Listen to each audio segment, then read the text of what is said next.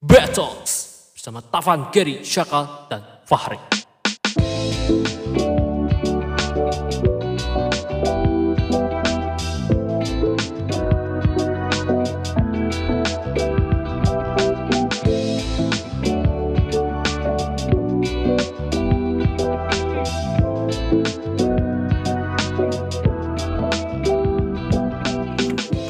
Salam olahraga. Salam olahraga. Ahai, salam olahraga. Tapi bener sih kalau misalnya udah denger lagu yang satu ini, cuplikan lagu satu ini. Salam olahraga terus ada ahai. Bung Ahai Gunawan Iya. sesuai dengan Stupdesnya. Coba balik lagi soal tadi apa salam olahraga. Ya itu adalah salah satu lagu yang terngiang-ngiang banget nih ketika dulu sampai sekarang kali ya. Iya, kalau misalnya di RCTI ya. RCTI. Kalau misalnya ada event olahraga baru-baru ini juga kan baru berjalan si game ya. Si games yang si game. Si game, si Kayak game. orang orang orang tua dulu dulu namanya si game anjing. si Asian paling si Gim gitu ya. Si, Mengbal gitu ya. main bal ya bener kayak kemarin kan ada baru banget di bulan kemarin tepatnya SEA Games berlangsung di Vietnam Iya. 2021 tapi dia salahnya 2022 2022 biasa lah ya. biasa Gimik lah ya. gimik gimik biasa lah. Eh, enggak efek pandemi juga sebenarnya kan yang selalu ramai gitu kayak Euro 2020 2021 gitu. ya ya eh, eh sebelum- sebelumnya juga kita mengucapkan dulu selamat eh, Buat siapa? buat para atlet kita dong Oh, ya sudah mengharumkan nama bangsa. Tapi- Yang berkesempatan mengharumkan nama bangsa tidak di apa di, dikirim sama federasi kita gitu. ya. waduh waduh waduh waduh waduh karena budget budget Iya. Pandemi, Ger, pandemi. Pandemi. ya tapi sekali lagi ya selamat buat para atlet yang sudah berjuang alhamdulillah posisi tiga ya Alhamdulillah posisi Terima tiga. kasih sudah membawa nama Indonesia gitu. Iya. banyak bisa dibilang cukup ini ya cukup sukses ya Iya. 69 ya. Enam- Iya.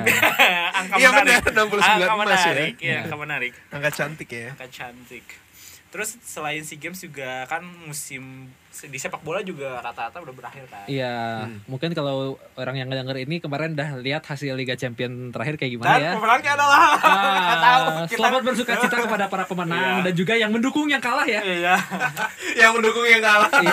yang kalah. Seperti fans Barca mendukung Madrid kalah, fans MU mendukung Liverpool ya, kalah. sebaiknya Untuk kalian-kalian selamat bersuka cita, tenang masih ada musim depan ya kita. Mari kita berjaya kembali di dalam jalan-jalan Tuhan. ya. jalan tuh Menikmati eh, kengerian dan kesadomasokisan sebagai fans ya, Ger. Iya, fans MU.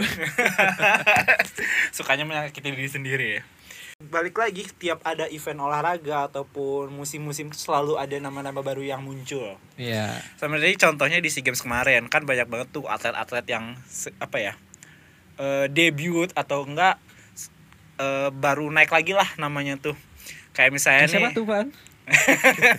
enak banget yang lempar kalau misalnya di ini atlet renang ini ada Mas Niari Wolf Oh, iya. jadi dia ini adalah pemenang atau peraih medali emas di nomor 50 meter gaya punggung putri. Oh, iya, selamat Dan dulu. ini satu-satunya emas di cabur eh, renang. Gitu. Ya. Itu kayaknya latihan renangnya di Tegalega ya. Tegalega. Tirta Lega ya ke- kalau di Bandung tuh. Yang campur sama keringat itu ya, Ger. Iya. Aduh. Keringet sama lumut. Cuman karena kita tadi bahas sekarang lagi bahas SEA Games juga jadi eh, ada beberapa fakta menarik. Oh, tukang fakta kita. Tukang fakta anjir. Fak itu, si tuh si fun fact ya. Faknya itu apa, Ger? Fakta. Fun fact, fun fact. eh enggak, Fakri itu faktaria. Kayak lagu dong Faktaria. Oke, ya lanjut gimana di Oh, faktanya? iya. Oke, ditanggapi lagi. Iya, lanjut aja ya. lanjut. Jadi eh, tentang SEA Games ini kan udah yang kita tadi sempat bicarain bahwa Indonesia tuh sangat berbangga ya maksudnya bisa peringkat tiga karena padahal Hmm. sebenarnya Indonesia tuh cuman ngirimin dia jumlah kontinennya Hmm. itu tuh eh, dia bukan yang terbanyak Bukan, bahkan bukan, bukan lima Iya, besar iya. terbanyak bahkan bahkan eh, kalah dari Singapura, Iya, Malaysia. dari Malaysia dari Mm. Thailand dari Vietnam sendiri yang sebagai tuan rumah gitu Iya. jadi patut disyukuri Indonesia bisa peringkat tiga tuh hal yang luar biasa banget itu Iya, de- dengan se- segala keterbatasan yang dibatasi oleh oleh oleh pandemi. Oleh pandemi. Ah. oleh kita baru Oh. Tenang nanti ada Dolpino ya. Saya takut nanti ada low back pain tiba-tiba datang ya. Low back. ini kita tidak disokong oleh orang dalamnya. Iya. Hari ini tidak hadir. tidak Tidak hadir. hadir ya. Jadi Orang susah ya. Jadi susah. Nah, terus juga di SEA Games ini tuh Indonesia mm, untuk pertama kalinya memecahkan rekor di cabang dayung. Karena di Hmm. dayung yang cabang putra tuh Indonesia Sapu bersih. sapu bersih semua emasnya. Rajin ya nyapu bersih ya. Oh, kan biar ini pasangannya nggak brewok kan katanya. Tahu nggak sih? Mitos yang kalau nyapu tuh harus bersih nanti Oh, eh, pasangannya brewokan. Oh. Kalau sekarang cewek-cewek sengaja gitu ya, nyapunya nggak bersih gitu. biar biar Biar biar dapet dapet yang brewok. Kan, kan lagi tren. Iya. Nah, terus juga tuh eh buat kalian yang gak ngikutin SEA Games atau misalnya ketinggalan infonya, jadi di SEA Games sendiri tuh ada beberapa atlet yang eh apa namanya tuh dia membawa nama Indonesia yang pertama kali dapat emas. Hmm. Nah, sebenarnya sebelumnya ada dulu yang dapat medali pertama SEA Games itu tuh dari kickbox kickboxing. Hmm. Eh, nama atletnya itu Nadia Nakhoir. Hmm. Dia tuh dapat eh, perunggu itu tuh mempersembahkan medali pertama untuk Indonesia. Nah, Hmm. kemudian tuh selanjutnya ada medali emas pertama Indonesia. Hmm. Itu tuh di cabang rowing dari eh, atlet bernama Ardi Isadi dan Kakan Kusmana. Nah, terus juga tuh ada eh, rekor baru nih yang dipecahin sama atlet Indonesia di SEA Games ini. Sebenarnya bukan atlet eh bukan rekor SEA Games doang tapi rekor Asia. Eh, apa namanya tuh yang dipecahin gitu. Hmm. Itu tuh sama Erwin siapa namanya? Gutawa. Bukan. Bukan yang ini kan yang Erwin Sasageo. Itu itu beda. Beda. Lagi beda. Yang atlet angkat besi Erwan. eh Erwan. Erwin Ada Erwin. iya. Erwin ada. Ramadan ya? Erwin Rahmat Rahmat Erwin. Eh iya itu. Iya itu. Ya, Erwin Nah, jadi Ramdhani kita sebut saja. bukan bukan. Jadi beliau ini tuh eh, memecahkan rekor angkatan terbesar untuk level Asia Tenggara dan Asia Hmm. Sekaligus. Nah itu tuh pecah di SEA Games kemarin Iya. dan eh, bisa kita bilang juga Erwin itu salah satu atlet yang baru munculnya masih muda gitu. Jadi eh, bisa kita percayalah masa depan atlet-atlet angkat besi Indonesia. sama ini nih yang lagi kemarin Hype ya. rame tuh ada satu lagi atlet Muhammad Zul Ilmi Hmm. Di bidang apa itu? Hah? sama di angkat Di besi Angkat besi juga. Eh, sama cuma beliau eh, s- beliau tuh beliau ya karena karena kan pahlawan ya atlet Iya, tuh ya betul, apalagi betul. membanggakan gitu jadi Bang Zul ini Bang Zul si si abang-abangan nih Riba dong. Hey. beda hei hei hei Hey, ingat hey. ingat ingat Ingat, ingat. Saya cinta Bank Indonesia. Kalau riba tuh lagunya JKT48 soalnya. riba riba Maunya riba, riba, riba. Astagfirullah.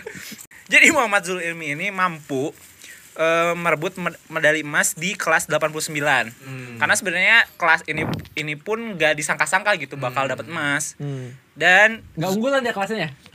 iya, bukan bilingual, Iya, bukan bu- RSBI. bukan gitu. RSBI. Heeh.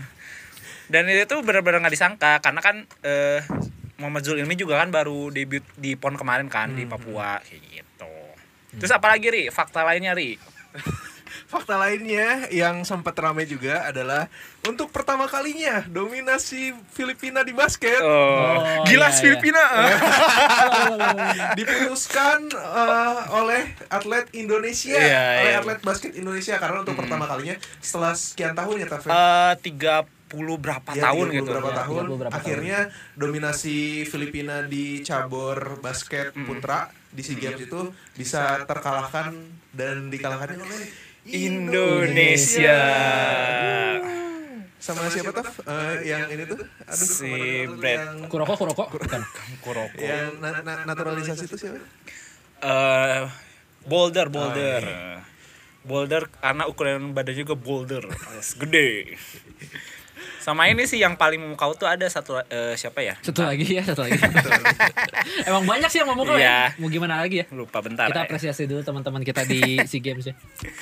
Iya, tepuk tangan. itu tepuk tangan ya teman-teman kan kelihatan ya suara doang Meskipun eh, paha Fahri cukup untuk nembuk-tepuk ya. Nggak gitu dong Sama ini sih satu lagi yang eh, memukau sepanjang SEA Games tuh dari dari basket tuh eh, Derek Michael. hmm, iya Yang ternyata beliau ini adalah lulusan SMA Ragunan. Oh, sama kayak Egi sama bukan? kayak Egi Iya. Egi Egi. Melgiansyah? Oh, bukan. beda dong Dan eh Satu lagi? si Derek ini enggak Oh, belum masih belum, tentang. Derek. Satu lagi, satu lagi. aja kamu mintanya. Si Derek ini udah masuk ke NBA Academy. Hmm. Udah kepilih nih selama satu tahun kemarin. Jadi kayak udah terlihat banget lah step up-nya gitu. Komedi? Oh, enggak. stand up sayang. Dan di, di basket juga kan banyak banget nih eh, beberapa pemain muda yang debut kayak Yuda Saputra juga kan dari Prawira kayak gitu-gitu. Eh, cukup inilah cukup apa ya menjanjikan lah skuadnya. Apalagi kan untuk menghadapi FIBA Asia. Ditambah juga dari perbolaan yang lain juga kan ada yang dapat emas tuh, volley. Eh. Dan itu mempertahankan loh volley Iya, itu betul, ya, betul. volley putra. Voli putra. Voli putri juga kan kemarin dapat uh, Perunggu. kan. Terus juga uh, ada yang dapat perak tuh ini. Aduh, apa sih bola tuh?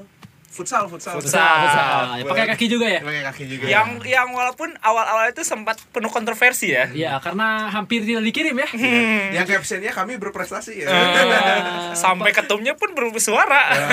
ya dong kan bentar lagi 2024. Oh. Suka nih jokes politik nih. Nah, ngomong-ngomong soal atlet, Hmm. nah, kita kedatangan bintang tamu nih.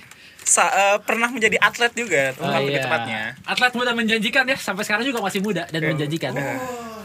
Tapi kayaknya sayang pensiun dini nggak di bang? Eh, Febri Haryadi, Febri Haryadi. bukan, bukan, bukan, bukan, bukan. Ini dari cabang olahraga eh, kempo ya, bukan kendo, bisnis eh, ketukar gitu ya. Ini Mana ada yang ngangguk nggak akan kelihatan. Apa ini? harusnya ada iyahnya gitu. Ya, gitu. Iya. Iya. Nah, Ya suaranya muncul ya Iya, akhirnya. sebenarnya muncul ya. Sok Aing iya takut ketukar bentar bentar. suara suara Aing sama Adi tuh mirip. Enggak, enggak beda-beda. Beda-bedain ya. Oh, beda-bedain. beda. Beda-bedain. Langsung beda Ya. gini. Ini kenalin dulu teman kita Adit. Halo Adit. Halo, halo semuanya. Apa Halo. kabar? Baik. Adit gimana kabarnya? Sehat Adit? Alhamdulillah kalian semua gimana? Alhamdulillah, kita Kalian juga. luar biasa. Iya. Alhamdulillah, alhamdulillah luar biasa Allah Akbar. Terima kasih sudah sudah diundang oleh Betox ya. Iya. Iya. Gimana Dit? Pegal megang mic dari tadi? Alhamdulillah pegal.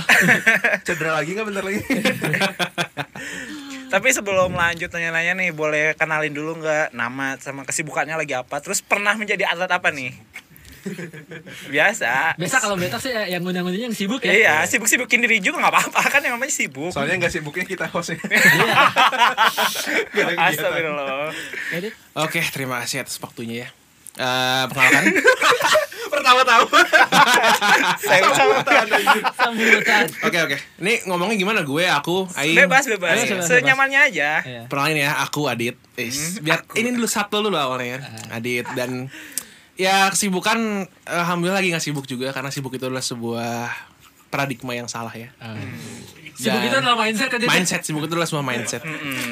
Alhamdulillah emang gabut beneran juga. Ah, Alhamdulillah, justru Iya. harus disyukuri gabut juga. Betul. Dan Iya. sekarang lagi ya sibuk kuliah aja lah. gitu. Sibuk kuliah aja ya. Lagi nunggu kelulusannya saya kayak kita-kita ya. Betul. Beda, tapi beda. Iya. Biar biar selevel akhirnya ada yang selevel gitu. Tapi kan kuliahnya beda gitu. Eh, Aing waktu jadi bintang tamu juga selevel. Kalau itu literally selevel. Literally selevel. Ya eh sempat jadi ah, kalau dibilang atlet enggak juga sih sebenarnya. Atlet-atletan aja lah. Atletan sampai Heeh. sabuk hitam tapi ya. Ya gampang lah sebut itu Ah, memang. Tapi ya sempat jadi atlet di cabang olahraga Kempo ya. Harusnya Surinji Kempo tapi kalau di Indonesia cuma dibilang Kempo gitu. Apa itu bedanya sih kempo jenis ABC itu? Sebetulnya nggak ada di Indonesia tuh. Sebetulnya di Indonesia tuh eh, Kempo cuma satu. Cuman tahun 2020 tuh ada Kempo baru.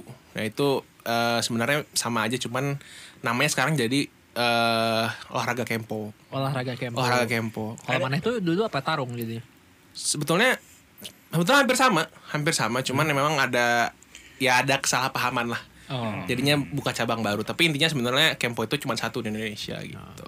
Apa tadi namanya ke tempo apa? Alah sih. Sorinji Kempo Sorinji. Kempo. Ada bau bawang gitu ya. Sudah tercium. Wibu. Gak apa-apa. Sebut aja sebut, gak apa-apa. Emang sudah terpatri kok. Emang Iya. ceritanya wibu-wibu. Emang branding ya. Iya, wibu-wibu bawa bawa bawang. Bawa bawang tapi keren gak apa. Gak apa-apa, gak apa. Ya, boleh. Tapi eh, pertama kali kamu eh kamu pertama kali asiknya eh, gue gue lo aja kali eh, ya. mana Iya, mana gue- yang aja Kita kita latihan ya ngobrol sama yang menjadi gue. anak jaksel anak-anak Jaksel yang startup gitu. Iya. Literally Jaksel sih. Eh, Enggak, man- mana pertama kali ikut kempo kapan? Kalau aing sih eh, sebenarnya panjang ya ceritanya ya. Boleh Gak dari- apa-apa, ceritain aja. awal. Karena ceritanya panjang. Kalau awalnya tuh sebenarnya ya dari TK gitu. Oh iya, dari TK banget. Dari TK karena emang orang tua kebetulan papa ya kempo juga gitu. Dan emang ya sering diajak juga gitu. Jadi mau nggak mau ikut lama-lama putih naik naik naik. Tapi kalau dibilang serius sih sebenarnya baru mulai ikut kejuaraan ya kalau kita parameternya kejuaraan gitu. Itu SD.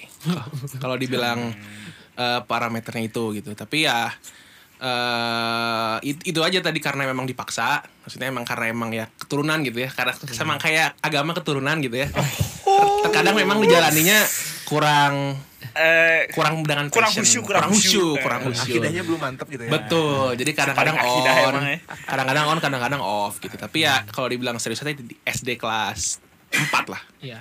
gitu berarti ikut kejuaraan itu kelas berapa? Eh, Langsung kejuaraan apa maksudnya waktu kelas Oke. 4 SD itu? pertama tuh kelas 4 SD kejuaraan itu tingkat kota oh langsung. langsung waktu itu Langsung waktu itu kota. masih di Jakarta jadi Jakarta Oh, Jakarta. Oh, lu anak Jakarta, Bos. Iya, jadi gue tuh di Jakarta emang. Tapi sorry, sorry, sorry to say ya. Gue Sorry bukan Jakarta say. Selatan gitu, tapi Lu Jakarta di Jakarta Timur. mana jadi? Jakarta Timur emang rada terbelakang lah kita gitu. Oh, iya, yang JIS ya sekarang ya. Iya gitu. Tapi ya alhamdulillah sekarang sudah maju ya Jakarta Iya, Timur. udah ada landmark ya kehidupannya. Hmm, hmm. Itu tuh yang kasus itu ya, yang di WC. Bukan itu, itu Beda JIS. international school ya. Jisnya beda tolong. Beda, beda, ya beda. Tolong.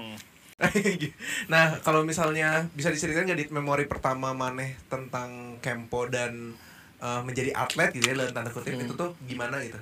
Jadi kayak memori pertamanya tuh gimana? Yang mana Hmm. inget gitu. Sebenarnya definisi atlet itu harus dijelaskan dulu sebetulnya apa. Nah, Kalau menurut maneh gimana, Dit? Kalau menurut orang, atletnya adalah seorang yang mengabdikan dirinya untuk suatu cabang tertentu. Hmm. baik dalam khususnya dalam kejuaraan gitu ya. Nah tapi ya berarti intinya kalau kita parameter atlet adalah orang yang ikut kejuaraan, Hmm. berarti itu eh, basic banget lah ya definisi basic gitu. Nah, itu Lu, berarti lu gak basic ya? enggak dong. Kita Lu deep ya? Deep. Lu filsuf ya? Deep talk, deep talk. Deep talk. Deep deep deep Deep, deep, deep deep deep deep deep. deep. Sampai batuk gitu ya. Tadi pertanyaannya apa jadi lupa gue. Memori awal. Memori, memori, memori. Oh. definisi atlet Atau definisi ya? atlet. Udah kan tadi udah ya. Iya, definisi Berarti ikut, ikut kejuaraan aja gitu ya. Kalau ikut kejuaraan memori awal tuh ya kelas 4 SD itu emang dari klub. Kita jadi kalau misalkan di Kempo itu sebenarnya mirip sih kalau olahraga lain gitu. Kita masuk klub, nanti ya info-info semua dari ketua klub itu gitu. Dan kita kebetulan ada invitasi wali kota Jakarta, ya kita coba ikut di sana. Jadi emang ya udah semua orang di klub itu nggak diseleksi, nggak diapain, emang ikut kejuaraan gitu. Tapi eh itu ya kalau atlet atlet sebatas kejuaraan ya tapi kalau misalkan atlet untuk mengabdikan dirinya untuk ne- untuk negara atau untuk daerah gitu ya itu waktu baru mulai di tahun sekitar SMP tuh 2010-an berarti. 2010-an itu baru baru mulai itu ngewakilin Jakarta Timur Oh, kota Jakarta Timur. Jakarta Timur Di regional kota gitu. Regional Di- DKI. Di, provinsi DKI. Heeh.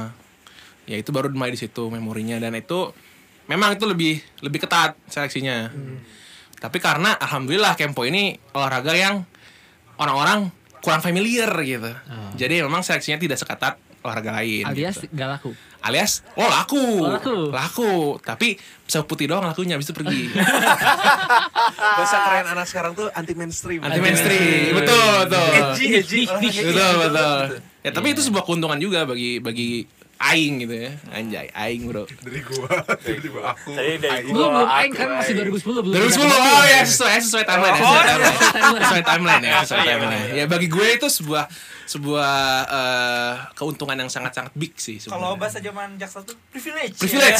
Privilege. Itu privilege yang sangat sangat Kingel. baik gitu. Tapi memang ya eh, nggak terlalu banyak kesulitan sih untuk masuk ke seleksi itu gitu. Nah, kalau di provinsi DKI itu prestasinya sampai mana di proses?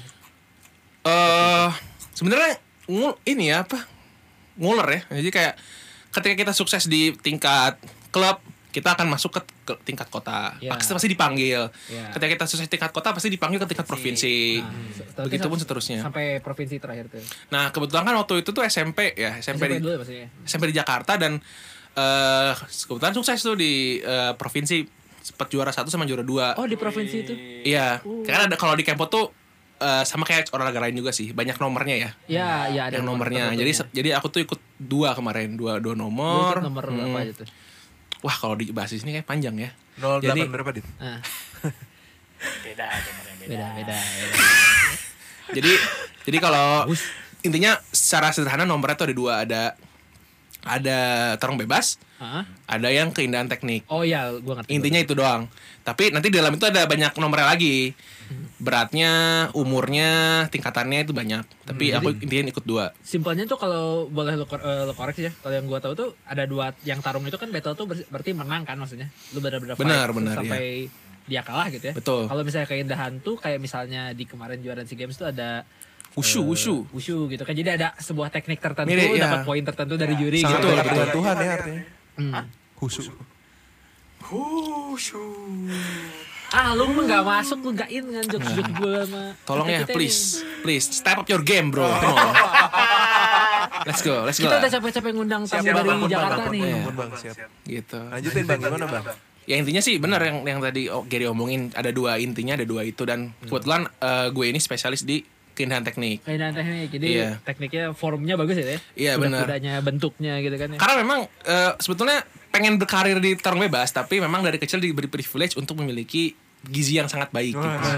jadi nggak pernah dapat nomor beratnya selalu lebih Selalu lebih. karena maksimal 75 Iya. sedangkan SMP tuh udah 80 Iya, privilege ya. privilege sebuah privilege itu Tapi ngomongin soal gizi, anjir. nah, selama jadi atlet, apakah lu nih, lu itu ada ini gak sih eh, selama jadi atlet tuh ada diet ketat kah atau misalnya persiapan khusus kah? Atau ada rutinitas tertentu kah Iya. gitu? Iya, Oke, kayak, oke. eh, ukuran baju XL pakainya S gitu kan. Enggak gitu. Enggak gitu. Nggak, maksudnya apakah gitu. ada latihan lain misalnya di luar kemponya, misalnya eh, latihan fisiknya kayak gimana Oke. kayak gitu-gitu. Sebetulnya kalau dari fisik sebenarnya memang itu sudah jadi kewajiban ya untuk atlet untuk jaga fisiknya masing-masing. Tapi eh khususnya eh di Indonesia sendiri itu ya diketahui lah itu sangat-sangat kurang gitu disiplin. Apalagi untuk olahraga yang emang anti mainstream gitu. Jadi emang latihan fisik ya ada, laporan ke pusat ada kita latihan fisik, tapi emang tiap minggu cuma sekali. Yang penting kan laporan Yang masuk. penting ada laporan masuk dan dan dan yang penting ada dokumentasi. Ya cuman paling lari ya standar lah gitu, lari push up gitu. Tapi emang ada latihan fisik dan dan eh sebetulnya kalau dilihat dari sorry ya ini kebandingin ya. Kan aku tuh eh aku, gue ya maksud gue. Masih Jakarta soalnya. Masih Jakarta soalnya. Masih Jakarta. Gue itu kan di Jakarta sama di Bandung. Hmm. Pernah jadi dua-duanya atlet dan emang ketika di Jakarta ini Ah. eh, nggak terlalu ketat dan nggak terlalu diperhatikan oleh pemerintah gitu. Hmm. Sedangkan Padahal lebih deket ya. Padahal lebih dekat. Hmm. Mungkin emang karena bukan olahraga yang bukan olahraga yang mainstream gitu. Bukan olahraga prioritas. lah. Betul. Iya. Tapi ketika di Bandung ini kebalikannya justru eh, kita eh, lebih difasilitasin lah gitu. Ya, karena ada yang butuh prestasi untuk naik jabatan. Eh, sorry lanjut. Tapi sebenarnya fun fact-nya tentang Bandung ya kebanyakan tuh yang ngejabat jadi ketua federasi kalau cabang kota atau misalnya provinsi, ya Provinsi, gitu. iya. Biasanya nggak nggak semua ya, nggak tapi sebagian besar tuh dia bukan yang emang incar politik sebenarnya. Jadi Kalau kota ya, kalau kota ya. Kalau kota. ya. Iya, kalau provinsi nggak tahu. Ya. Karena provinsi juga beberapa kayak gitu ya. Iya. Nah itu tuh jadi emang mereka kebanyakan fokusnya emang di olahraga itu atau lahir dari olahraga itu. Hmm. Ya. Tahu Ya, ya, tapi itu. kalau pusat ya beda aja. Nah kalau pusat beda cerita ya. Ini kan Soalnya eh, saya sama ketemunya yang di di eh, provinsi ya. Ya. Kan Yang sekarang jadi di pusat ya, yang Ya. jadi Waduh. yang sekarang nendang-nendang kaki gitu yang suka video call ya. Oh, iya. Itu ketemunya di di Jawa Barat. Nah, ya, selingan ya tadi. Eh, lanjut, Bang. Boleh, boleh. Tadi apa ya pertanyaannya? Gizi, gizi. Gizi. Gizi ya, gizi dan fisik ya. Kalau Di nah Bandung lebih khusus le- lebih ketat katanya di Bandung tadi terakhir. Ah iya. Dan mungkin beda time frame juga ya. Maksudnya kan mungkin 2013 ke bawah mungkin emang belum jadi belum jadi fokus gitu untuk ke arah situ. Sedangkan 2013 ke atas. 2013 Mane. ke atas orang udah di Bandung. Mana udah di Bandung. Udah di Bandung. Karena kan SMA juga di Bandung. Sama juga di Bandung dan emang pertama kali ke sini emang udah langsung dikenalin sama Kempo. Oh. Baru itu pertama kali di Gimana tuh kenalannya? Dit? Oh, saya- Halo aku Adit, aku Kempo, apa kabar? Malu-malu gitu Gitu. ya, malu-malu gitu Aduh, merah-merah. Step up your game, bro. Come on. Anjir, aing diceramahin bintang Soalnya kan ada tamu. syakal. Jadi kita butuh yang seperti ini. Iya. Nah. Kalau nggak, kita harus eh, minta eh, outsourcing dari luar untuk eh, mengevaluasi kohos-kohos kita ya. Oke lanjut lagi ya, ke, ke itu ya berarti Eh, dan eh, kalau di Bandung ini emang gizi itu diperhatiin banget sih maksudnya Oh iya. mm. meskipun memang eh, hal-hal kecil gitu ya kayak kita tuh dikasih sebenarnya kasih uang vitamin tiap bulan. Oh iya ada. Ada ketika emang kita udah terdaftar jadi atlet itu dikasih uang vitamin dan uang transport tiap bulan. Kayak ikan hias ya. Uang vitamin. Dikasih jatah vitamin ya. Kayak sejarah kita. Wow. Ya boleh lah ya. Boleh, boleh. Terima kasih atas inputnya Fari. Dan emang eh, mungkin di Jakarta emang eh, ya tadi lah mungkin emang belum belum belum saatnya gitu. Dan time frame-nya juga. Time frame masih juga awal. beda. Mungkin sekarang udah gitu ya. Nggak Tapi emang juga tapi ya. tahu juga. Aku nggak nanya juga ke orang-orang di Jakarta kenalan gitu. Tapi memang kadang meskipun diberikan uang ini, uang untuk menjaga gizi, menjaga vitamin, menjaga fisik, diberi diberi fasilitas bahkan kalian tahu eh, Gor Pajajaran Iya tahu tahu. yang koni itu kan Iya, nggak iya. boleh orang umum ya, Iya, kecuali iya, hari iya, Minggu. Nah kita boleh tiap hari di sana. Ah. Asal atas atas nama atlet gitu. Asal oke. Pokoknya fasilitas sudah eh, kalau kata aku sih cukup banyak gitu ya. perlu di Meskipun- booking dulu nggak dit? Nggak perlu. Nggak perlu. Nggak perlu. Eh, saya di Bandung. Kalau Bandung gampang ya tinggal ke Sidolik. gitu. Kalau olahraga gampang, kalau musik beda kasus. Wah, kayak di Jakarta ya kemarin kan. Salah Dit, ya. sama IO. Kalau sama Cimahi. Eh tapi yang menariknya meskipun diberikan fasilitas dan eh, segala macamnya itu kadang emang dari kita juga kurang disiplin. Ya uang vitamin dipakai buat udut, Vitamin U tetap ya. vitamin U gitu ya. Uang transport dipakai buat makan gitu. Iya. Kayak all you can eat gitu. Transport dipakai buat makan, makan dipakai buat transport gitu. Ya ya. iya jadi ya emang dari kita juga kurang disiplin. Tapi eh mungkin di cabur lain eh beda gitu lebih bagus gitu. Tapi ya intinya kalau dari yang orang rasakan seperti itu gitu sebenarnya. Hmm. Jadi ya gimana kalau soal gizi dan fisik saat ini yang orang rasakan selama jadi atlet ya itu tergantung disiplin eh, atlet itu sendiri gitu. Terus tadi lanjut medio 2013 ke atas gitu ya dari SMA sampai kuliah atau sampai sekarang gitu. Itu udah ikut kejuaraan lagi nggak Dit? Kan itu bisa dibilang fase-fase pubertas ya kita Betul, lagi betul, betul. pengen mencoba hal yang lain mungkin gitu ya dari Betul, sesuatu betul. yang kita tumbuh dan berkembang dari kecil gitu. Betul betul. Itu Eh, gimana? Justru eh, betul menurut orang peak orang tuh justru di Bandung. Udah ulang ya sekarang karena Iya, di udah di Bandung. di Bandung. Udah peaknya itu justru di Bandung. Oh, justru di Bandung. Justru di Bandung karena memang emang selain udah eh, cukup mengerti juga, gede juga, udah jadi udah pubertas lah gitu. Ya udah legowo dengan oh saya atlet tempo gitu ya. Iya udah ya udah terimalah mau dipaksa ya gimana lagi kan mau pergi gimana udah susah. terlanjur kecebur lah. Udah terlanjur kecebur gitu lah intinya udah udah Wong jago juga gitu ya. ya itu masih dalam perdebatan ya. Tapi intinya ya udah terlanjur gitu. Ya udah lanjutin aja gitu. Jadi emang peaknya tuh di Bandung. Eh, ya sempat ikut kejuaraan beberapa kali waktu SMA itu sempat sekali ikut Porda. Oh iya Porda. Porda. Porda. Jawa Barat atau? Jawa Barat Jawa Barat. 2014 Eh, sama ikut kejuaraan nasional juga tahun 2016 Eh, sama pas kuliah itu tahun 2018 ya kalau nggak salah itu ikut Porda juga itu Porda yang terakhir Porda yang terakhir Jabar itu ya. Porda, Porda, Porda Jabar eh kalau di Udapon nggak ada ya kalau Kempo. Ada, PON itu justru dari dulu ada Kempo, cuman eh, waktu 2005 2016 kan PON ya.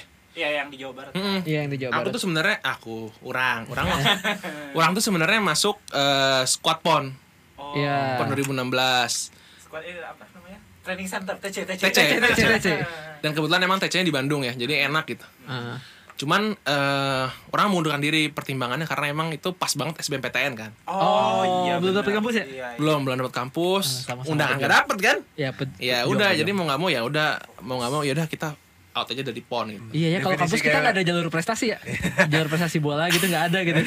Definisi kayak putus pacaran ya. Iya. Mau fokus UN gitu ya. Iya, fokus fokus kuliah. ya. SBMPTN. Ya meskipun itu jadi alas juga sebuah alasan juga karena emang gak terlalu passion kan di Iya, situ. iya, iya. Tapi ya ya ya udahlah apa pun terjadi itu ada ada maksudnya lah gitu. Di SBPTN juga passion banget ini teh. Wow. Oh, rajin banget les tuh. Iya jelas. Tahu sendiri lah Fahri gimana. Insight banget ini insight. Nah, tapi selama di Jawa Barat ini prestasi terbesar mana apa sih? Kan kalau misalnya di Jakarta berarti Porda juara 1 2. Hmm. Di nomor tadi itu apa sih? Yang eh, keindahan. Keindahan Hmm. sa- keindahan sama yang tarung kan. Nah, kalau misalnya di Jawa Barat Di Jawa Barat sebetulnya sama orang spesialis juga di eh, keindahan teknik ya. Hmm. Dan ya setiap porda ikutnya itu gitu. Ada yang ikut dua nomor, satu kalau nomor. udah Jawa Barat ya udah ke keindahan aja.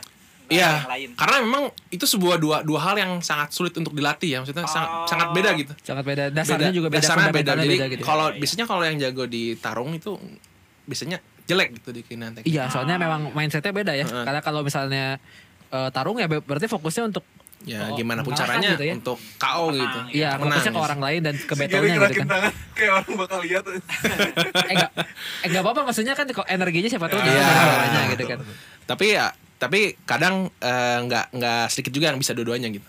Iya. Kebetulan orang bisa tapi eh, emang nggak pernah dapat bobotnya, bobot berat badannya. Oh iya. Karena Tadi so ya. kurus-kurusnya orang tuh di di 80. Nggak pernah di Sampai sekarang juga Maksim- 80. Maksimalnya tuh 75. 75. Jadi lima. Oke. Terus tadi prestasi tertingginya di tiga kan ada tiga kejuaraan tuh yang Porda, kejuaraan sama Hmm. Porda lagi gitu ya. Hmm. Itu paling tinggi di mana di top Paling itu? tinggi itu di sebenarnya tergantung nih prestasi dari dari medali atau medali dari dong uangnya. kita, medali. kita kan glory hunter medali Oh, medali. medali Medali ya. dulu, medali dulu. Medali dulu ya, bukan Kalian uangnya. berdua glory hunter maksudnya. Ah, kalau mana ya kan emang sudah legowo tidak akan punya glory kan. Gloryless ya. Ekskursi. Di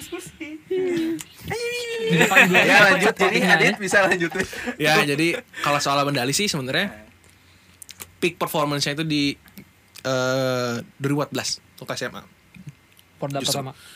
Iya itu Porda pertama. Oh, produk pertama langsung nih. gas. Itu dapat juara dua, juara dua sama juara tiga. Hmm.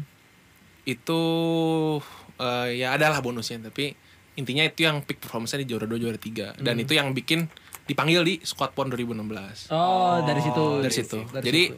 kalau di Kempo tuh sebenarnya simpel seleksinya. Eh juara satu, juara dua, Ah. otomatis masuk squad pon. Ah. juara tiga? Juara tiga enggak. Karena uh, uh, orang sempat juara dua kan, jadi Iya. dipanggil ikut TC. Nah dari situ nanti tinggal seleksi alam, Oh, kuat atau enggak gitu. kuat ya? atau enggak mentalnya khususnya. ya. Iya, Soalnya mental. emang, wah itulah.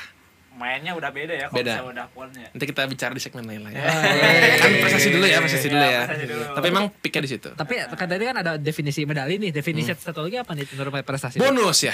Kalau Bonus. dari bonus tuh sebenarnya Bandung ini salah satu pro- eh, kontingen yang lo- lo- royal.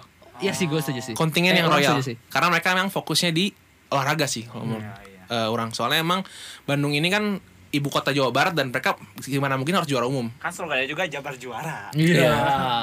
Jadi- Jadi juara naon? Lanjut. jadi Kan juara pon. segimana mungkin mereka mau jadi yang paling Iya. paling paling lah gitu jadi ya emang satu. kalau dibandingin eh, kontingen lain itu bonusnya paling gede gitu tapi ya Kapan itu?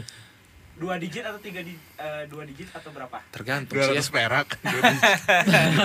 ya tahu lah maksudnya dalam apa. Tahu lah ya, maksudnya Iya. dua digit, tiga digit ya. tergantung ya sebenarnya kalau eh, di kalau sebenarnya paling gede itu bonusnya di 2018 Oh di Polda yang terakhir ya. Mm-mm. Jadi kalau juara satu perorangan, Oh perorangan itu. kalau kalau perorangan itu bisa double digit lah. Oh iya. Double digit tuh eh 100 juta nih. Setengahnya. Ah. Itu untuk satu orang. Wow. Dua setengah digit ya? Iya, tapi eh kemarin tuh per tuh per 2018 tuh sayangnya cuman dapat juara tiga kurang. Oke, berarti tau lah por- proporsinya segimana. Yang nggak Ya. nyampe dua digit lah, tapi tinggal, tinggal dibagi aja pembagiannya Iya. gimana. tapi ya kan kita sebagai atlet nggak ngejar itu dong. Iya. Kita sebagai atlet ya ngejar gimana kita cara untuk juara gitu. Suaranya. Juara dan apa? Mengembangkan diri ya Dit? ya? Iya, karena jujur sama sekali orang nggak mikirin bonusnya waktu itu. Ah. Bahkan orang nggak kepikiran bahwa kayaknya dapat bonus nih. Tapi ya udah nggak dipikirin gitu, karena emang kita ngejar si medalinya itu. Toh duitnya dapat dari yang lain ya Dit ya? Gitu lah. Iya iya iya. Mereka kan, iya Itu soal prestasi itu cuk, kayaknya cukup. Oke. Terus Nah, Hmm? terus Dit, kan tadi Maneh sempat ceritain tentang klub-klub gitu ya. Hmm. Nah, sebenarnya kalau misalnya history Maneh di klub tuh kayak gimana sih dia terus pernah pindah-pindah klub atau sistemnya gimana sih Iya, di klub? ada transfer window atau Ya, enggak gitu. transfer window gitu. Terus ada kejuaraan yang Antar klub. gitu antar klub gitu apa gimana gitu. Sebenarnya kalau klub ya eh, transfer window ya setiap setiap hari bisa boleh. Nggak ada. tiap hari. Nggak ada, nggak ada transfer window. Tidak ada summer, winter. Iya, tidak ada, tapi- Tidak ada, tidak Fabrizio. Romano, here we go, Tidak ada. Karena definisinya kalau di Kempo tuh ya ke- ketika kita masuk Kempo mau di mana aja ya kita seorang aja, seorang yang berarti Kempo gitu. Iya iya iya. Jadi ya kalau misalkan ikut kejuaraan atas nama klub itu ya jauh lebih gampang. Tinggal ya kita domisili di mana. Ya emang kita latihan di klub itu gitu. Ya kita Oh. mewakili klub itu. Cuman emang kalau misalkan secara kontingen kota atau provinsi itu jauh lebih sulit. Tapi sering juga banyak juga yang dari eh, teman-teman orang yang emang bukan orang Bandung. Waktu di di Florida tuh. Yang dari Papua NTT eh, Sumatera. Tapi memang mereka punya keterangan domisili Bandung. Ah, gitu. transfer window entah, berarti itu ya? entah kerja entah kuliah entah apa tapi intinya punya keterangan domisili Bandung. Nah, liburan sebenarnya kali. sesimpel itu aja. Tapi memang eh, kalau di kampus sendiri sih nggak dikejar ya yang transfer Indo gini karena emang ya untuk apa gitu. Kalau memang ngejar untuk glory se- semata mah nggak eh, ngapain ngapain mesti gini gitu. Apa yang mesti darah iya Karena- atlet darah juga bisa itu iya maksudnya nggak nggak nggak nggak segitunya lah kalau di Kempo tuh. Jadi ya udah kita sejujur jujurnya aja di Kempo tuh. Terus deh kalau misalnya mana ada pengalaman-pengalaman menarik selama pembinaan atau di klub gitu atau pas seleksi gitu nggak deh? kalau ceritain sih banyak ya sebenarnya Gimana Soal yang berkesan aja yang, Iya, yang, yang- berkesan atau yang, yang, dan dan yang bisa di sharing ya. Eh, iya Takutnya nanti tiba-tiba setelah episode ini ada langsung di blacklist. Oh. gitu. soalnya sabuknya dicabut gitu ya soalnya banyak emang ini sih maksudnya namanya pembinaan ya pasti ada hal-hal yang eh, kurang mengenakan lah gitu Hmm. khususnya waktu lebih ke kaget sih di awal tuh Ayam ayam ayam gitu. Aing tahu itu bakal keluar Aing tahu ya Allah lanjut ya eh, waktu awal orang nyampe Bandung tuh kan emang nyampe Bandung tuh 2013 ya 2012 2013 langsung TC Porda 2014 Hmm. untuk tahun 2014 dan emang eh, ketika di TC itu memang yang latih tuh ya pelatih pelatih legendaris semua lah gitu oh. Darwin Iya. enggak ya. Indra Tohir eh Erick. Indra Erick Thohir beda Gary. Beda. Tolong dikondisikan. Ya, tapi intinya mah pas eh lebih shock terapi aja sih maksudnya. Waktu itu pernah emang lagi sekolah juga kan. Iya. dan pernah baru pulang sekolah jam 3 kan. Latihan tuh mulai jam 3 dan dan orang baru berangkat dari sekolah jam 3 nyampe sana jam Biasa setengah ya. empat. Hmm. datang-datang baru nyampe tebak apa yang terjadi. Disiram Enggak, Ya paling disuruh push up. Latihannya nggak jadi, latihannya nggak jadi. enggak, ditampar enggak. apa apa taluk taluk Tiba-tiba ada satu kata yang keluar. anjing oh, apa apa apa, apa. Monyet. oh anjing dan juga babi Masih dia bercanda. Masuk lagi anjir. Sefrekuensi ya. Bagus. Ini, ini kalau kalau kamu mau ngejokes Ri, seperti ini. Oh, siap, siap, Seperti Bang, ini. siap. contoh jokes Contoh ya. Oh, siap bang. tuh Ri jokes jokes berkelas tuh dipakai di podcast jangan di tweet ya Ah itu mah nggak usah. Ini nyari aja tempat parkir banyak tuh. Ya. Jok kan, jokes. Ai, gimana gimana tadi? Ya tapi ya intinya gitu pertama kali Hmm, masuk shock. ya shock terapi aja gitu. Monyet. Uh, monyet siapa nih gitu kan. ya udah intinya ya emang dimarahin dan emang dihukum gitu. bisa lah intinya Habis-habisan dan emang ya tapi apa pun terjadi ya kita harus paham sebagai atlet bahwa ya pelatih itu yang ngelakuin apa pun itu ya untuk kebaikan kita juga gitu. Dan emang terbukti orang lebih efektif sama yang kayak gitu daripada Ya. yang lemes-lemes Ayo gitu. bisa semangat Iya, ya emang gitu. Jadi ya itu shock terapi sih awalnya yang salah satu momen yang paling diingat gitu. tapi lama-lama udah terbiasa lah ya dengan treatment Ya kayak lama-lama kebal juga meskipun emang kadang-kadang ketika emang kita ya namanya kan manusia gitu ya. Iya, pasti ada Hidup kita ada ada di luar atlet gitu. Ketika emang kita bawa hal-hal emosional dari luar yang emang kadang eh, cukup memberatkan ketika diberi itu ya bisa blow up juga kadang-kadang gitu. pernah blow di, Pernah. di depan pelatih Oh di depan semuanya pernah. Ya nggak gitu, nggak gitu. Ya masa gitu, udah langsung coret gue kalau kayak gitu. gini gini monyet Bener jawab dan juga babi juga enggak Enggak, enggak dong. Kalau itu nanti malah dicoret anak dia lucu. Bergabung dengan Fari,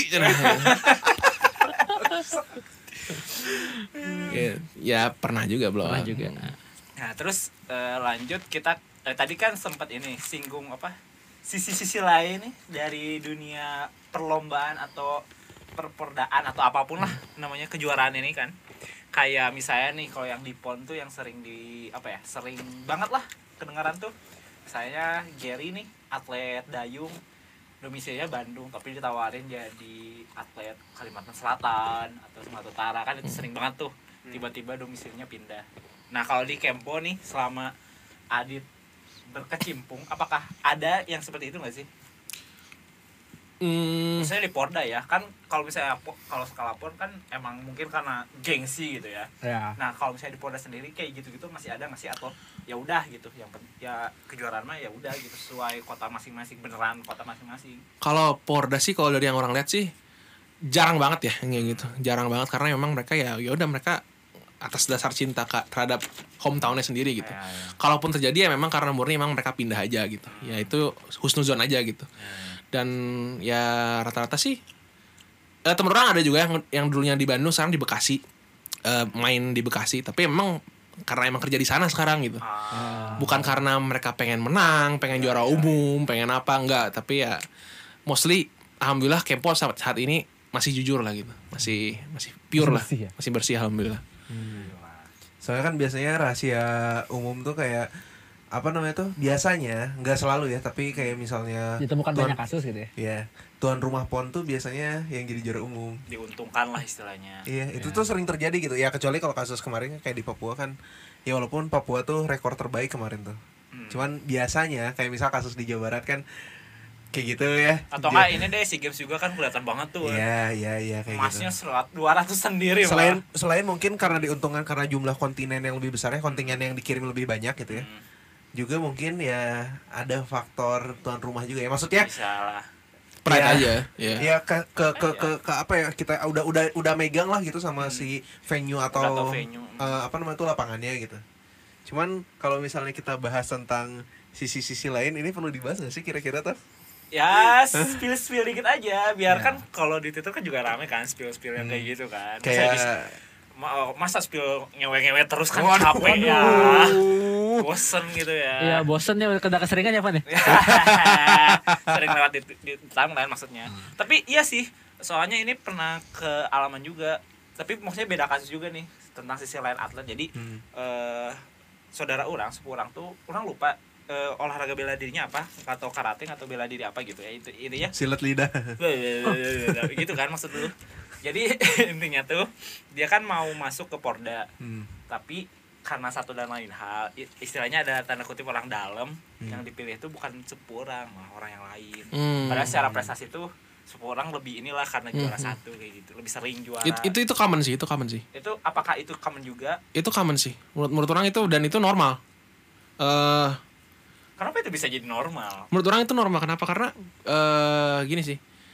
Kalau misalkan memang eh pasti gini lah. Orang itu pelatih itu pasti nggak se-stupid itu banget lah. Kalau misalkan Ya, memang ya, dia punya ya. talent nih. Iya iya. Talent yang jauh lebih besar. Nggak mungkin dia akan unggulkan yang anaknya pelatih gitu. Tapi ketika ya ada sedikit perbedaan gitu ya Iya.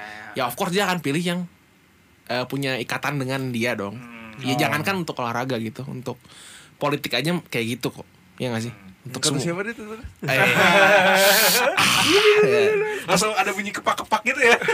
maksudnya itu itu suatu hal yang seakan-akan tabu gitu ya. Tapi padahal padahal normal. normal gitu. Maksud menurut orang ya ya kita kita akan lebih eh, kita akan work better dengan orang yang emang kita kenal dan emang orang yang punya maksud lebih di dalam diri kita gitu. Yang punya arti lebih dalam diri kita gitu. Menurut orang sih normal dan itu banyak terjadi juga gitu. Dan yang perlu dipertimbangkan juga chemistry sih. chemistry betul chemistry. Karena eh sorry itu saya orang pun sebetulnya anak pelatih Oh. bapak orang tuh ngelatih juga di Porda. Iya. tapi memang ya bukan pelatih utama. Jadi ya kalau misalkan pelatih itu kita ada empat. Tapi ya ada perannya masing-masing. Nah bapak orang tuh good good cop lah gitu. Good cop. sedangkan yang lain tuh bad cop good cop. Wah bagi-bagi peran makanya rame lah gitu. Orang ngerti Iya. lah maksudnya bagi-bagi perannya Iya, gitu. iya, iya, iya, dan satu tim orang ini empat orang. Empat orang ini semuanya anak pelatih semua. Oh, Oke. Oh. selain karena memang ya anak pelatih kita pun udah punya chemistry dari awal Hmm. Dan udah dididik dari usia dan udah dini juga. dididik dari tahun 2012 Iya. Jadi sampai sampai 2018 terakhir itu kita saat eh, formasinya masih sama. 442. ah bah Aing udah tahu itu mau keluar. Nah, tapi intinya lah ya intinya gitu gitu. Karena iya, iya. eh, tapi nggak mungkin eh kalau misalkan ada anak pelatih yang memang stupid gitu ya, sangat-sangat stupid Ah. akan didahulukan dibandingkan yang punya talent gitu. berarti faktornya ya balik lagi itu Baik lagi. 11 12 dan juga ada faktor batin lah istilahnya. Iya. Iya. Ada bobotnya lah gitu ya. Ada bobotnya. Jadi bukan berarti apa namanya tuh? Sembarangan. Orang yang nggak punya talent terus bisa jadi masuk dengan semena-mena gitu ya. Iya, iya, benar benar. Benar benar. Hmm. Cuman ini tuh ada cerita menarik eh cerita kejadian nyata tapi yang terjadi itu sebaliknya itu tuh Asnawi Mangku Alam pernah dengar gak sih ceritanya Gimana, kan gimana? back back Yang back kesayangan kita semua Enggak, Oh, jadi dulu oh, jadi oh, dulu Sama bapaknya sendiri enggak? Nah, oh itu. iya iya iya sama bapaknya Iya, sendiri nggak iya. dilolosin jadi dulu tuh Iya, Asnawi iya. Mangku Alam kan dia ju- tim juniornya di PSM Hmm. nah pada saat itu yang bersamaan juga PSM tuh kan eh, lagi banyak kepromosiin pemain mudanya ke tim senior kan iya iya dan waktu itu tuh di jajaran pelatihnya PSM senior tuh adalah salah satunya tuh ayahnya tapi itu tuh orang-orang nggak tahu dan emang bener-bener Hmm. identitasnya tuh disembunyikan bahwa si pelatih itu salah satu pelatih di jajaran pelatihnya PSM itu Adalah punya bapaknya. anak di tim juniornya PSM gitu Asnawi Asnawi kalau nggak salah emang nggak ngomong kan nah iya emang karena diminta buat nggak ngomong juga sama bapaknya Diminta nggak ngomong dan gimana ya media juga nggak ketahuan gitu Iya. sampai Iya. sampai jadi profesional. Ya dan bapaknya juga emang nggak pengen itu gitu, nggak Iya, pengen iya. nggak pengen dia tuh dilingkung apa ya istilahnya tuh kayak soalnya eh, disupport dari orang da- dalam lah Nah istilahnya gitu. Jadi yang terjadi adalah waktu itu tuh kejadiannya waktu pas Asnawi mau trial mau uji coba buat masuk ke tim senior, Hmm. yang terjadi adalah dia dicoret itu. Padahal pada saat itu tuh eh, banyak jajaran pelatih lainnya tuh kayak pemain ini tuh masih punya potensi jadi men- mendingan dinaikin tapi ada satu orang ini tuh ternyata yang bilang dia masih harus eh, fokus di usia dini dulu gitu Hmm. sampai dia bisa nyampe level senior gitu dan ternyata setelah sekian tahun kemudian Hmm. kejadiannya adalah uh, ya long story adalah uh, Asnawi masuk timnas Hmm. dan pada saat itu baru di reveal bahwa ternyata Asnawi itu salah satu anak legenda Indonesia juga pemain Iya. sepak bola dan itu tuh banyak orang-orang yang kaget itu pada saat Banyak itu banget media juga sampai wow Iya. geger iya karena karena emang pengen si cerita di baliknya itu adalah si ayahnya ini di jajaran pelatih tuh pengen Asnawi itu besar dengan kemampuannya sendiri gitu loh Iya. yang terjadi tuh kayak gitu dan itu sempat ramai banget kan dan ternyata buktinya sekarang Asnawi bisa nembus ke uh, apa Ya. namanya tuh Ansar K- Greener ya. kan ya K-League, Greener iya. kan walaupun masih divisi 2 ya Hmm. di Iya, mudah-mudahan bisa membawa promosi ya. amin Tapi orang ngerti sih kenapa emang sebenarnya orang pun sering eh, sering emang namanya anak lama anak muda ya labil ya. Kadang memang bersyukur punya bapak pelatih dan kadang menyesal juga punya bapak pelatih dan diketahui orang-orang gitu. Karena kadang-kadang jadi pressure tambahan juga ya. gimana? Jadi anak pelatih. Betul. Pertama persen tambahan. Hmm. Kedua ketika kita sukses ya wajar. Hmm. Iya. Anak pelatih gitu. Iya anak pelatih gitu. Tapi pas bagian enggak, lah Ya, lah kok kok gitu? dan ini terjadi waktu orang pada 2018 ya. Oh. Dan itu menyebabkan orang pensiun gara-gara itu. Oh iya. Oh. Nah, pundung ya dia pundung.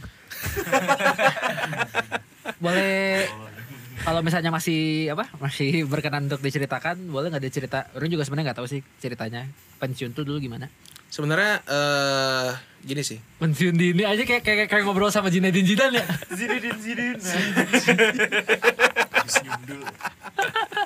mana nyundul lawan karakter di Oh, turnamen kan, enggak ya kan eh, nomornya juga beda bukan taruh Iya. Tapi memang eh 2018 itu salah satu performa terburuk sih sebenarnya. Meskipun bonusnya terbesar tapi performa terburuk sih. Karena emang eh, waktu itu eh, ada beberapa hal ya yang di luar teknis gitu. Hal-hal yang menyangkut kehidupan di luar atlet itu. Bugar atlet ya. Eh, mulai kuliah, pendidikan pribadi dan segala macamnya. Dan itu kesalahan orang adalah eh, masih ngebawa itu ketika hari H pertandingan gitu. Terbawain lah masih ke bawah emosi Suasana. ke bawah suasana. Dan di saat itu tuh eh, memang ya namanya pressure lah ya kita masuk ke ke ring gitu. Kalau bahasanya ring gitu ya. Iya. kita masuk ke ring semua orang lihat kita gitu. Iya. Satu tribun gitu ya sebenarnya orang udah nggak ada pressure dari itu ya maksudnya udah udah biasa gitu. Cuman kadang eh, ketika kita bawa hal-hal dari luar ke dalam itu bisa ngerusak pikiran gitu. Dan ketika memang kan orang keindahan teknik ya. Dan itu hal-hal yang dilatih dua tahun gitu. Untuk untuk tampil selama dua menit. Hmm. dua tahun untuk dua menit kayak UN aja. Kelulusan ditentukan dari tiga. Hari. Selama tiga tahun. Ya kan itu aja pressure kan? Iya. itu aja pressure dan itu orang-orang nggak ngeliat kan? Iya iya orang-orang nggak ngeliat kan? Iya. Dan ini orang-orang ngeliat hasil kita gimana? Nah, cuman dua menit hasil dari dua tahun dan itu saat itu orang tim berempat.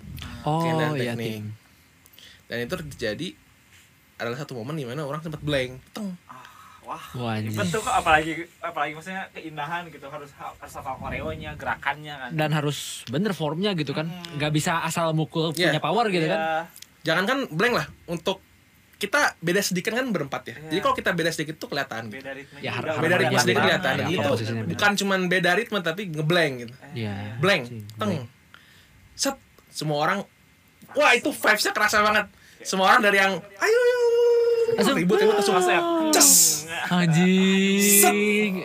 itu tuh wah nggak nyangka bakal kayak gini. Orang pertama-tama sering tapi udah ketika udah profesional baru pertama kali kayak gitu.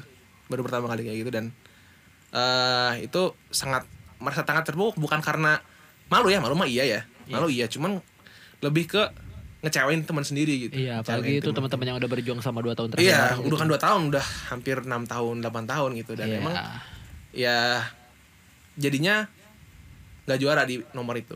Tapi kan ada kalau di itu ada babak kualifikasi, ada babak final ya. Kualifikasi dapat juara dua harusnya kalau dihitung-hitung. Tapi karena orang salah itu jadi nggak juara sama sekali gitu. Gitu dan itu wah itu semua semuanya tahu gitu. Apalagi dengan orang dengan title seorang anak pelatih gitu ya. Itu memberikan sebuah pressure yang cukup kuat gitu. Meskipun ya mau nggak mau harus bisa recover juga dong. Dan ya ya alhamdulillah semuanya juga tetap support sih sebenarnya. Kalau dari tim ya, dari tim tuh support tetap support. Cuman ya emang orang ngerasa mungkin emang udah ini gitu, udah ini aja gitu. Meskipun orang sempat ikut tahun 2019 yang tapi informal, juara informal. Tetap ikut cuman orang ngerasa kayaknya cukup sampai sini aja deh. Cukup dulu, cukup dulu gitu karena emang dekat-dekat skripsi juga, dekat-dekat kelulusan juga dan emang orang harus fokus gitu. Ternyata Udahlah. lulusannya udah dua kali ya setelah itu. iya, mudahan gitu. Amin. Amin tapi ya ya udah itu jadi tanda udah deh cukup dulu segini dulu gitu itu yang bikin orang cukup pressure di situ pressure banget lah pokoknya udah nggak ngerti lah gitu Iya, iya. iya. Cuman hal kayak gitu tuh sering kali nggak tahu sih kalau misalnya orang pribadi kayak jadi pertanyaan ke diri sendiri gitu ya. Kadang-kadang misalnya kita ngelihat prestasi atlet eh, di sebuah kompetisi atau misalnya kita ambil contoh misalnya olimpiade atau misalnya eh, regional Asian Games atau SEA Games gitu ya misalnya. Kita ngelihat misalnya jumlah medali Indonesia misalnya kemarin SEA Games 69 emas gitu ya. Si angka 69 emas ini tuh apalah kita tuh hanya melihatnya apakah hanya dari sisi sebatas angka aja oh 69 gitu oh Indonesia peringkat tiga tapi sering kali itu adalah eh, kita tuh belum cukup buat melihat bahwa di balik angka 69 ini di balik sebuah angka ini tuh ada perjuangan dan darah yang menetes gitu. Maksudnya perjuangan selama persiapan selama eh, kompetisinya sampai mereka bisa benar-benar menelurkan prestasi kan kan bukan hal yang gampang ya Dit, maksudnya kayak Betul. yang mana ceritain Betul. gitu. Jadi kira-kira menurut Maneh eh, hal apa yang bisa misalnya kita sebagai orang luar gitu ya bukan bukan bukan dari sisi atlet. Sebagai fans ya. Ya, Fans. sebagai sebagai sebagai teman atau misalnya sebagai penonton atau sebagai warga negara yang baik gitu ya misalnya Iya. kalau ambil contoh Indonesia gitu konteksnya. Bagaimana menjadi eh, orang yang bisa mengapresiasi atlet dengan layak dan baik gitu Dit, menurut sebetulnya eh kalau dari sisi atlet ya eh nggak tahu ya orang kan mungkin emang bukan atlet yang terkenal gitu ya. Jadi orang sih nggak terlalu mikirin eh, apresiasi s- orang lain gitu orang luar apalagi yang nggak kenal gitu ya apalagi pemerintah Apalagi oh. pemerintah. Waduh, kecuali waduh. duit itu itu Iya. boleh lah gitu ya kalau nggak turun baru tapi ya kadang ya itu tadi kita sebagai fans sebagai masyarakat tuh kadang lupa perjuangan di balik angka itu Iya. bahkan 69 yang mana ngomongin itu kan emas Iya. perak perunggu perunggunya lupa. kan? padahal Lupa, kan? banyak loh perak perunggunya tuh Iya padahal itu perjuangan banget Iya, dapetin itu iya. untuk dapat SEA Games gitu dan ya betul. cukup kita hargain aja gitu. Oh, ya selamat nggak juara juga nggak apa-apa, yang penting eh, sudah berusaha. Ya selama kita lihat mereka berusaha itu adalah tanda untuk kita untuk apresiasi mereka gitu. Hmm. Kalau misalkan mereka memang nggak berusaha baru kita boleh caci maki gitu. Iya. Bukan bukan ngehujat ya tapi ya sebagai kritik gitu kritik ya, kritik kritik gitu makanya ketika orang lihat eh apa sih kalau ada ya badminton lah ya sering ya kalau misalnya. Oh iya, ah sio Kita kan glory hunter ya di badminton ya. iya kan maksudnya ya ya. Di semua sih Ger. Memang kita kan betul. beda-beda badminton. ya Indonesia ya terkenal badminton gitu ya. Of, of course kita ekspektasinya tinggi gitu. Kan Asia kan jago badminton kata Iya. seorang coach. Coach dia, yang dia ternganga ternyata pemain Asia bisa top scorer. Coach yang coach atau yang nge coach? Coach yang youtuber. ya tapi ya intinya mah kita kadang lupa bahwa ya olahraga itu juga sekedar permainan Iya. yang bisa menang bisa kalah. Hasil itu gimana Tuhan gimana keadaan gimana kondisi gimana luck juga. Tinggal kita lihat aja mental mereka gimana berusaha atau enggak. Ya itu yang harus dikritik dan harus dinilai. Itu aja sih sebenarnya. Hmm, Jadi jangan ngelihat Hasil. emasnya Jangan lihat jangan lihat statistik kalau kata coach. Kardus itu kalau